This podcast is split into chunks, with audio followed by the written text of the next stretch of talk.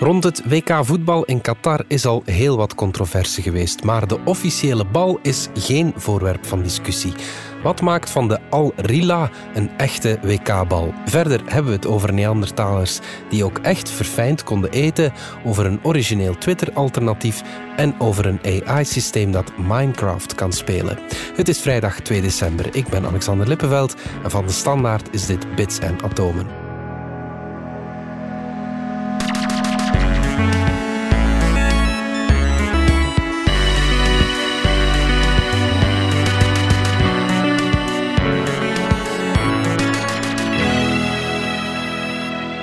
Dominique Dekmijn, technologiejournalist en Pieter van Doren, wetenschapsjournalist. Pieter, de officiële WK-bal heet dit jaar de Al Rila. Ja. En wat blijkt? Het is een heel goede bal, want er is nog niet over gezaagd. Nee, blijkbaar hebben ze nu toch de formule gevonden. Het, uh, ze zijn er wel een tijdje mee bezig geweest. Mhm. De bal is misschien wel de belangrijkste bijzaak in het voetbal, we zullen het zo maar zeggen. En uh, tot 2006 was dat heel eenvoudig. Dan gebruikte men gewoon de klassieke leren bal die we allemaal kennen. 12 uh, vijf hoekjes, 20 zes hoekjes, netjes aan elkaar genaaid. Ja. Werkt perfect, werkt goed. Iedereen weet hoe je daar moet mee spelen. Een bal is een bal, dachten ze toen. Ja, maar alleen hij wordt nat als het regent en dan wordt hij zwaarder en dan... Uh, en zo verder. Ja. En in 2006 hebben ze bij Adidas gezegd... Jongens, we moeten mee met onze tijd.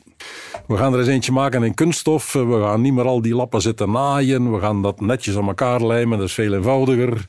Mm Hups, en dan gaan we. Uh, was een bal met nog uh, eh, 14 lappen. Dat was ook weer een voordeel. Je moest er minder aan elkaar uh, doen. Ja. Dus dat werd netjes gelijmd.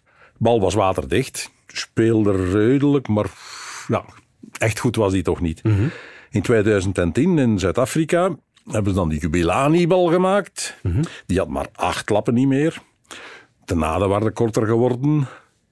Dus er was ook minder lijnwerk aan. Mm -hmm. Maar het enige probleem, die bal viel dood. Ja, ik Als je daar een knal tegen gaf, ja. die vertrok mooi. En dan ergens onderweg bleef die hangen. En dan ja. uh, was het gedaan met de lol. Ja, ja. En wat was het probleem? Nou, die was te glad. Mm -hmm. Gek genoeg.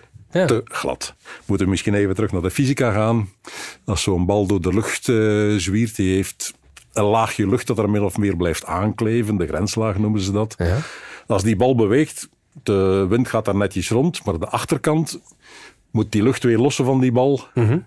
Want de bal ja, die is al weg tegen dan. Ja, ja. En er zijn twee manieren. Als de bal traag gaat, dan uh, wordt aan de achterkant de lucht netjes in mooie laagjes uh, gelost. Laminaire flow heet dat officieel. Laminaire flow, ja, oké. Okay. En als de bal snel gaat, dan lost de lucht achteraan turbulent, met allemaal wervels en zo verder. Dus ja, turbulente flow. Oké. Okay. En gek genoeg, tegenovergesteld van wat je zou denken, als dat turbulent gebeurt, dan is er veel minder weerstand in totaal. Ja. Tweeënhalf keer minder weerstand. Dus het is leuk okay, ja. als een bal zijn lucht achteraan turbulent kwijtspeelt. Ja, Bij ja. hoge snelheid gaat dat vanzelf. Dus als je er een loeier tegen geeft, Knap. gebeurt dat wel. Maar op een bepaald moment, met een bepaalde snelheid, gaat die stroming van turbulent over in laminair en wop. En de weerstand verhoogt ah, ja. 2,5 keer. Dus die bal gaat daar vertragen. En dan valt die stil. En die, dan valt die stil. Dus het is van belang om te zorgen dat die pas bij heel lage snelheden stilvalt.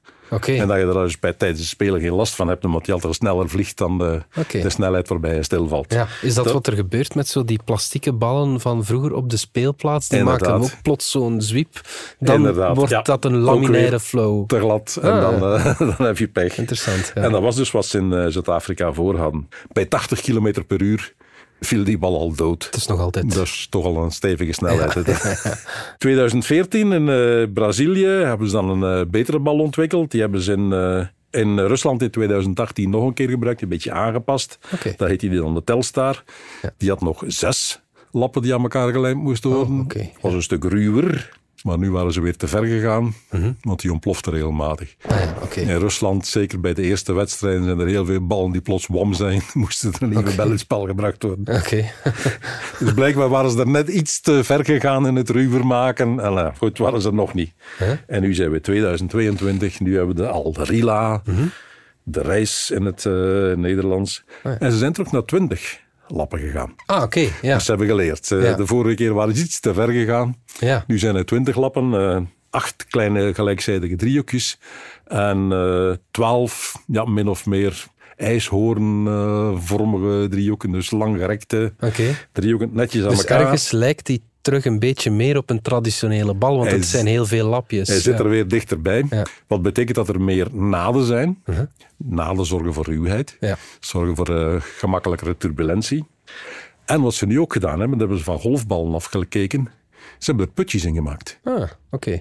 De vorige bal was ruwer door hem uh, dikker te maken, door uitstulpingen uh, aan te brengen en knikken aan te brengen. Uh-huh. Nu hebben ze hem glad gehouden op het zicht, maar ze hebben dus putjes ingemaakt die ook weer zorgen voor turbulentie, voor ruwheid. Okay. Het is niet toevallig dat een golfbal vol met putjes staat. Ja, ja inderdaad. Ja, dat is ook om die, voor die snelheid. Ja, ja.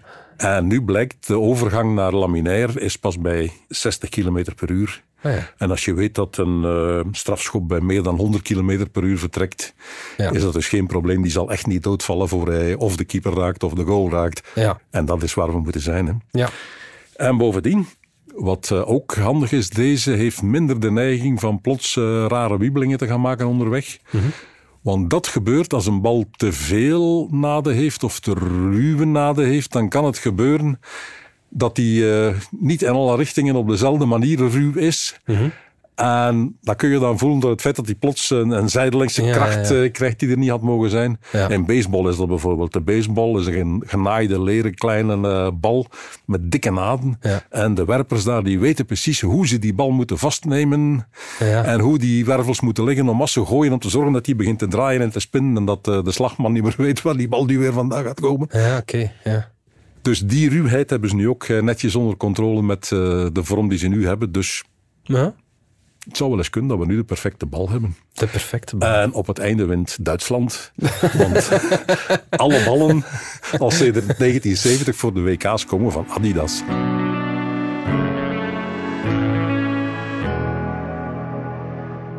Dominique, we gaan het hebben over een AI-systeem dat Minecraft leerde spelen. Om te beginnen, voor de niet-gamers onder ons, wat is eh, Minecraft juist? Ja, Minecraft is, ja, noem- je dat zelfs een spel? Hè? Het is een 3D-omgeving waarin je wat kunt rondspelen, maar er is geen wel bepaald doel. Echt. Het is niet echt iets dat je, dat je daar moet bereiken. Je mag Het is daar- eigenlijk ja, een soort metaverse. Wel, dat wordt heel veel gezien. Het wordt heel veel geschetst als zijnde een goed voorbeeld van hoe een metaverse er zou kunnen uitzien. Ja, absoluut. Dus Minecraft, een omgeving waar heel veel naar gekeken wordt. Eigendom van Microsoft, dat er al jaren flink in investeert. En die ook denkt van, ja, daar is wel iets bijzonder interessant aan, aan die omgeving. En een van de dingen dat er bijzonder interessant aan is, is dat heel veel mensen dat spelen. Ja. Vooral jonge mensen, laten we dat maar zeggen. Ja, volgens kinderen. Wikipedia is het het meest verkochte spel aller tijden. Ja, eh. dat verst me een beetje, maar eh, je, je weet maar nooit. In ieder geval zeer populair. Op dit moment is Roblox, dat heel gelijkaardig is, een beetje populairder, dacht ik, bij jonge mensen, zelfs bij ons. Bon. Eh, maar bon, Minecraft heel veel gespeeld, maar ook heel veel mensen hebben dat gespeeld met een videocamera op, of terwijl ze hun video opnemen waren. Dus YouTube zit vol met honderdduizenden uren mensen die eh, Minecraft spelen. Ja. Nu, wat is daar tof aan? Wel, eh, leermateriaal. Ah, ja. Want de Uren. grote doorbraken die we in AI hebben gezien de laatste jaren, er zijn er een paar heel grote geweest, en dus we hebben het hier al een paar keer gehad over GPT-3, de. Transformer, die heel, heel mooie eh, teksten kan produceren of vertalen, maar die ook kan programmeren, hebben we het onlangs over gehad. En die kan dat, waarom? Omdat die gigantische hoeveelheden tekst van het internet heeft ingeslikt. Oké. Eerdere AI-systemen konden dat niet, omdat ze niet genoeg, eh, er was niet genoeg tekst die klaar lag. Of ze kregen dat daar niet in bij gebrek aan geheugen en verwerkingskracht. Zo'n AI-systeem begint met de hele Wikipedia in te slikken. En dan moet hij nog maar echt beginnen. Dat is misschien een paar procent van wat hij allemaal aan tekst eh, te werken krijgt. Maar dat is voor tekst leren.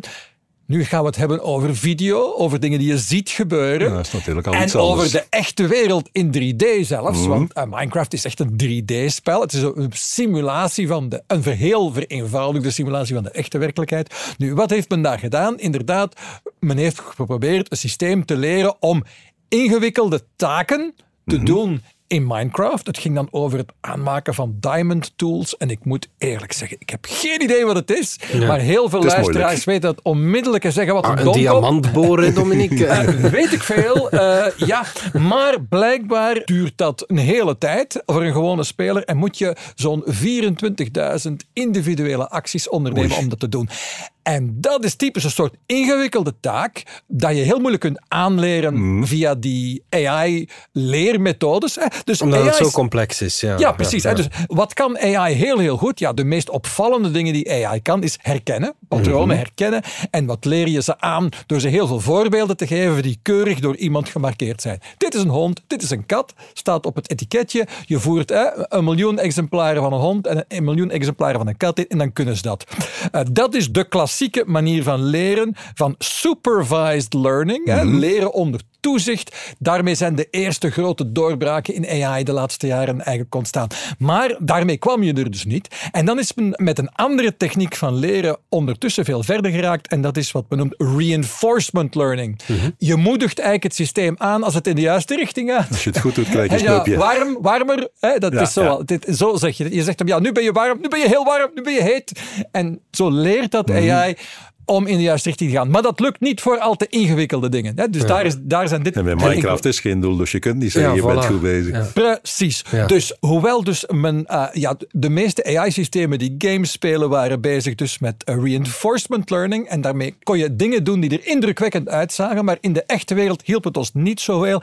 En nu heeft OpenAI weer dezelfde mensen. Hè? Dat zijn de mhm. mensen die GPT-3 gemaakt hebben. Het bedrijfje was opgericht door Elon Musk, hoewel die er nu niet meer echt bij betrokken is, als ik dat dat goed begrijp. Maar die hebben een nieuwe vorm van leren eigenlijk voorgesteld, waarvan zij zeggen, kijk wat dat we hebben bereikt met GPT-3.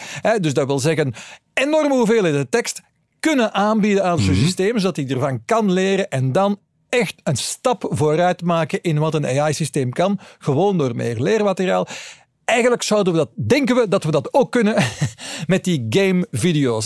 YouTube zit vol video's van mensen die Minecraft spelen, maar die kan je niet zomaar in een AI-systeem gooien. Maar wij hebben een techniek gevonden waarmee dat wel kan. En die techniek die noemen ze video pre-training heet dat. En de truc is, je kunt niet alles met de hand markeren zoals mhm. bij die klassieke manier van honden en katten markeren en dat systeem werkt niet voor zoveel uren video. Je kan ook niet zeggen we gooien het ze allemaal toe en laten het ze zelf uitzoeken. Mhm. Werkt ook niet. Ze hebben iets tussenin gevonden. Er is eerst één AI-systeem dat ze trainen om een video van Minecraft-spelers te analyseren. En dat doen ze door hen een beperkte hoeveelheid gegevens te geven van een aantal mensen die ze betaald hebben om mhm. Minecraft te doen. En daarbij hebben ze alle toetsen die ingedrukt worden, alle handelingen van de gebruikers eh, geregistreerd. Met die gegevens hebben ze een AI-systeem getraind dat al die video kon analyseren, alle andere video die al bestond, mhm. op YouTube kon gaan halen en analyseren en zeggen van kijk, daar heeft die persoon die toetsen ingedrukt. Dus die informatie verrijkt. Wat was men daar precies aan het doen? Wat werd er allemaal gedaan en op welke manier? En met die verrijkte gegevens konden ze dan dus het andere AI-systeem mhm. trainen op een heleboel manieren waarop je hetzelfde kan doen. AI-systeem leert AI-systeem leert AI-systeem. Ja, ja, het is nogal recursief hier. Maar je hebt dat ene AI-systeem nodig dat dus eigenlijk al die leerstof hapklaar maakt. Anders lukt het niet. Je hebt die hoeveelheid nodig, die kan je niet met de hand maken. En je kan het systeem dat ook niet zelf laten uitdokteren. Je hebt een apart AI-systeem nodig dat je heel specifiek traint mhm. om de hapklare blokken klaar te leggen. Daar gaat dan dat AI-systeem overheen. En dan krijg je uh, dus indrukwekkende resultaten.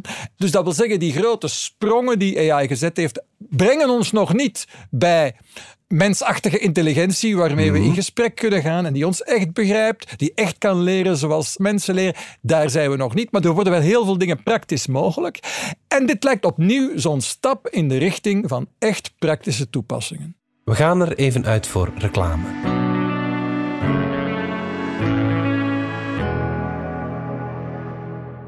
Wat vind jij nu zo fijn aan bouwen met Lego-stenen? Ja, hoe moet ik dat uitleggen? Het is echt ongelooflijk. Als je met Lego-stenen bezig bent, dan verliest je echt alle besef van tijd. En dan is het klaar en dan heb je altijd iets moois om naar te kijken en waar je fier op bent. Dat jij dat gemaakt hebt.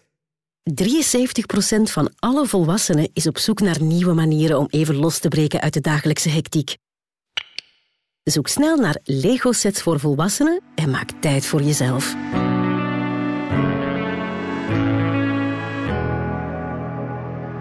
Pieter, ik weet niet wat een uh, Neandertaler juist at, maar ik beeld me een mensachtige in die op een op een been zit te knagen of zo. Maar blijkbaar zit ik er helemaal naast. Hè?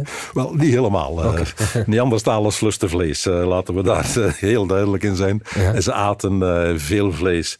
een paar weken geleden nog is er vanuit Spanje nieuw materiaal gekomen we weten al uit een tandsteen bijvoorbeeld, uh, en wat we daarin analyseren, dat er inderdaad veel vleesresten uh, tussen zaten. Ja.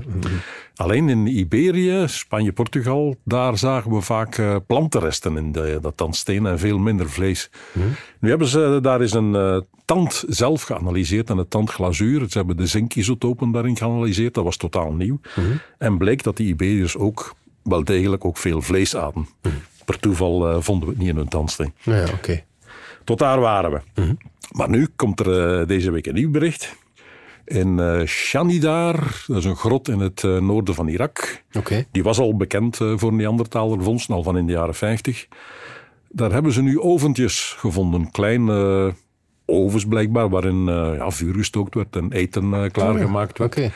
En ze hebben er ook wat verbrande etensresten in teruggevonden. Spul dat toevallig uit de kom gevallen was en in het vuur terechtgekomen. Ja potscherven waar nog een beetje aan uh, geplakt hing, dat soort dingen.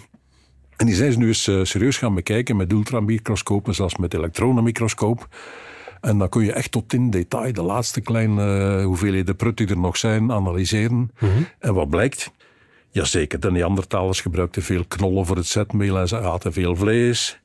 Maar ze kruiden en eten al heel uh, subtiel. En ze ah, maakten inderdaad ook gebruik van dingen waarvan je zegt, ja, dat is niet voor de calorieën. Oké, ja.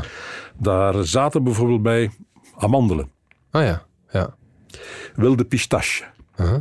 Nu, uh, die wilde pistache die smaakte heel bitter. Daar zaten heel veel uh, tannines in. Uh -huh. Amandelen, als je te veel van eet trouwens, daar zit cyanide in. Dus daar moet je ook ja, voorzichtig ja, mee zijn. Uh, er zaten ook veel wilde peulvruchten bij. Uh -huh. uh, wilde erwten, wilde linzen, wilde wikken. Het zijn ook allemaal dingen die heel bitter zijn, die vol zitten met alkaloïden, op het randje giftig, soms zelfs ietsje erover. Uh -huh.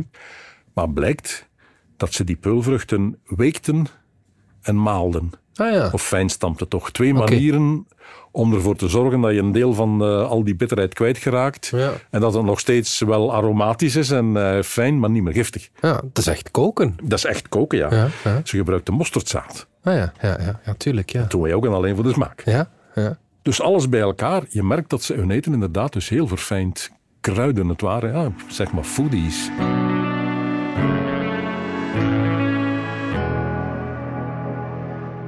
Dominique, sinds de overname van Twitter door Elon Musk krijgen we regelmatig een nieuw alternatief platform uh, op ons bord gegooid. En deze week is dat Post News. Maar dat zou wel effectief een goed alternatief kunnen zijn. Hè? In ieder geval, het krijgt veel buzz en dat is, dat is heel belangrijk. Ja. Uh, mm -hmm. en, en een van de redenen dat iedereen het erover heeft, is omdat je er niet zomaar op geraakt. Dat, want het is nog niet helemaal gelanceerd. Maar okay. dat is dus een beproefde techniek. Hè. Dat ja, trouwens, exclusief houden. Twitter in de, in de tijd heeft dat ook zo gedaan. Hè. Die hebben dat heel selectief, hebben ze er wat mensen opgelaten. Onder andere celebrities waren er al mm. heel snel bij. En die vonden dat meteen heel fijn. Dus zoiets gelijkaardig is nu dat nieuwe post.news. Ik denk dat je post.news doet. Sommige mensen zeggen gewoon post of postnews. We weten dat nog niet. Mm -hmm. en dus ik sta op de wachtlijst al enkele weken om het te gebruiken. En ik zit er nog niet op, dus ik kan jullie nog niet vertellen hoe het helemaal voelt. Maar naar het schijnt kan je ook nog niet echt veel zeggen als je erop zit, want eigenlijk werkt om de helft. En dat heeft ermee te maken dat ze eigenlijk van plan waren ergens volgend jaar te lanceren. Maar ze dachten mm -hmm. van ja, er is nu toch wel een moment. opportuniteit. Het is het moment. We ja, gooien wat wel. we hebben online. Nu, wat is er interessant aan? Dus de man die erachter zit is een Noam Bardin. En die uh, was al redelijk bekend in de sector, omdat dat de oprichter is van Waze. En Waze okay. is dat programma allemaal, dat ja. je waarschuwt voor uh, onder andere flitsende camera's op de weg, maar ook ongelukken en zo. Heel veel informatie over wat er op de weg gebeurt. Dus die man, die dan later eventjes bij Google gewerkt heeft, want dat bedrijf is overgenomen door Google, mm -hmm. maar die dus nu uh, weer iets nieuws heeft. En dat is een slimme man. La, laten we het daar al bij bij houden. En hij, hij probeert eigenlijk iets terug te brengen van het klassieke Twitter, zoals het misschien nooit echt bestaan heeft, maar in, in het hoofd van sommigen bestaan mhm. heeft, waar het allemaal... Uh, vroeger was het allemaal beschaafder, denken sommige mensen. Ik mhm. weet niet hoe goed een geheugen is, maar wat ze willen terugbrengen is eigenlijk ja, een beschaafde conversatie over de actualiteit, over het nieuws. Wil er nog zien gebeuren. En wel over het echte nieuws. Ja, er zijn een paar interessante ideeën. Dus sowieso ja, is daar nu belangstelling voor. Ze vinden daar nu financiers voor. En mm ze vinden bijvoorbeeld een aantal journalisten zijn heel grote fans en zijn er nu veel over aan het schrijven. De heel invloedrijke Kara Swisher is een fan. Uh, is echt in dat project zelfs betrokken geraakt en maakt er veel reclame voor. Dat heeft echt wel invloed. Want mhm. dat is echt wel de voornaamste criticus van Twitter op dit moment, degene die het meest naar geluisterd wordt, heeft nu eigenlijk gezegd van ja, dat post tot nieuws, dat is eigenlijk wel... Okay, daar zien we wel wat in. Dus dat weegt wel mhm. eigenlijk. Het is daarom dat het nu heel veel blikken krijgt. En in ieder geval is het interessanter om te bekijken dat bijvoorbeeld Mastodon, wat gewoon uiteindelijk, Mastodon wordt vaak genoemd als een, een alternatieve Twitter, maar is eigenlijk ongeveer hetzelfde. Maar dan, Donald Trump gebruikt het ook. Eh, veel dus, ja. ja. Donald Trump gebruikt uh, ook Mastodon. dus er zijn heel veel varianten van Mastodon. Het zijn allemaal heel veel variantjes van eigenlijk hetzelfde. Hier is eigenlijk iets nieuws aan de hand. Dus wat Post probeert te doen, is te werken rond nieuws dat juist is. dat klopt. Hmm. Ah, en daarvoor hebben ze eh, gekozen om te werken met officiële nieuwsbronnen. Met, eh, zoals uh, ja, mensen dat wel eens willen noemen tegenwoordig de mainstream media. Ja, mensen zoals news, pakweg wij. Ja, ja, ja, ja, en dan heb je Pieter zit natuurlijk al meteen met de vinger op het pijnpunt. Hè. Dus heel veel mensen vanuit de media zeggen nu van ja, dat is nu goed, laten we vertrekken met het nieuws vanuit de media. Sterker nog, want die mensen van de media moeten dat prachtige nieuws kunnen blijven maken, die moeten er ook voor betaald worden. We gaan in het systeem bouwen, een systeem van kleine betalingen. En dat doet een beetje mhm. eh, eh, denken aan een systeem dat we hier een tijdje hebben gehad met uh, Blendel. Hè? dus, dus dat, een systeem waar je een klein beetje kon betalen voor een artikel. wat moet ik er dan direct bij, zeggen, niet het meest succesvolle model was. Later zijn ze op een abonnementsmodel overgeschakeld en zo. Maar bon, dat idee van, dat noemt men in internettermen micropayments. Iets waar eigenlijk het hele internet al 30 jaar van betreurt dat we het niet hmm. hebben. Hmm. Hè, dat het er dus- niet van het begin bij was. Zij zeggen, wij gaan dat inbouwen kleine betalingen voor een stukje nieuws van The Wall Street Journal of the New York Times dat je daar wil lezen. En dan kun je erover discussiëren op een beschaafde manier met andere beschaafde mensen. Heel veel mensen vinden dat bijzonder verfrissend als idee. Mhm. Eh, het werkt nog maar uh, half. Is de vraag natuurlijk, is dat nu de plek waar je miljoenen mensen gaat krijgen? Vrees ik voor. Maar moet dat dan? Weet ik niet. Wel, voilà, dus, precies. Dus Pieter heeft gelijk. Ja, dat is niet waar we de grote massa's warm voor krijgen. Hè. Als, als mensen bereid waren te betalen voor nieuws, dan, uh, of op grote schaal, dan zou men dat waarschijnlijk zien aan de abonnementen op al die publicaties. Dan waren wij nu grootverdieners. Ja. Oh ja, dat valt uh, voor de standaard nog, nog, behoorlijk mee. Maar op de schaal waar we het nu over spreken natuurlijk, hè, 200 miljoen mensen of tegen de 300 miljoen op Twitter, ja, zijn het allemaal mensen die bereid zijn te betalen voor nieuws? Waarschijnlijk niet. Dat is geen probleem. Maar daarnaast heeft een plek waar je op beschaafde manier over het echte nieuws kan praten en waar je toegang krijgt tot grote nieuwsverhalen van nieuwsbronnen mhm. per stuk, zodat je dus niet ineens een, een volledig abonnement moet pakken, is daar plek voor? Ja, ik denk dat heel veel mensen nu denken van daar is best wel plek voor. De sterren van de week. Good stage one ignition.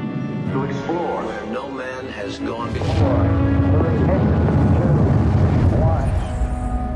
Pieter, voor de ster van de week kijken we weer diep in de ruimte en we gaan het hebben over botsende zwarte gaten. Vertel eens.